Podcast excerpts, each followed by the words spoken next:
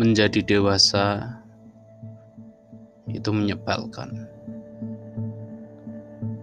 Dulu waktu kecil, aku berpikir bahwa menjadi dewasa itu menyenangkan. Kita bisa melakukan apa pun tanpa ada yang melarang. Pergi ke mana pun dan kapan pun bisa dilakukan bebas dari kekangan orang tua, bebas sebebas-bebasnya.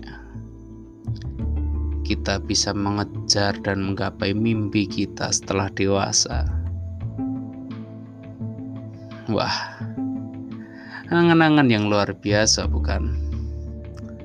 Tapi pada realitanya, tidak sesederhana itu banyak yang dipikirkan ternyata.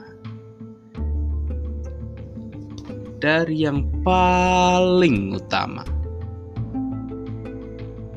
cita-cita. Cita-cita akan terkikis sepanjang waktu berjalan. Memang terdengar pesimis, seperti kata Thanos.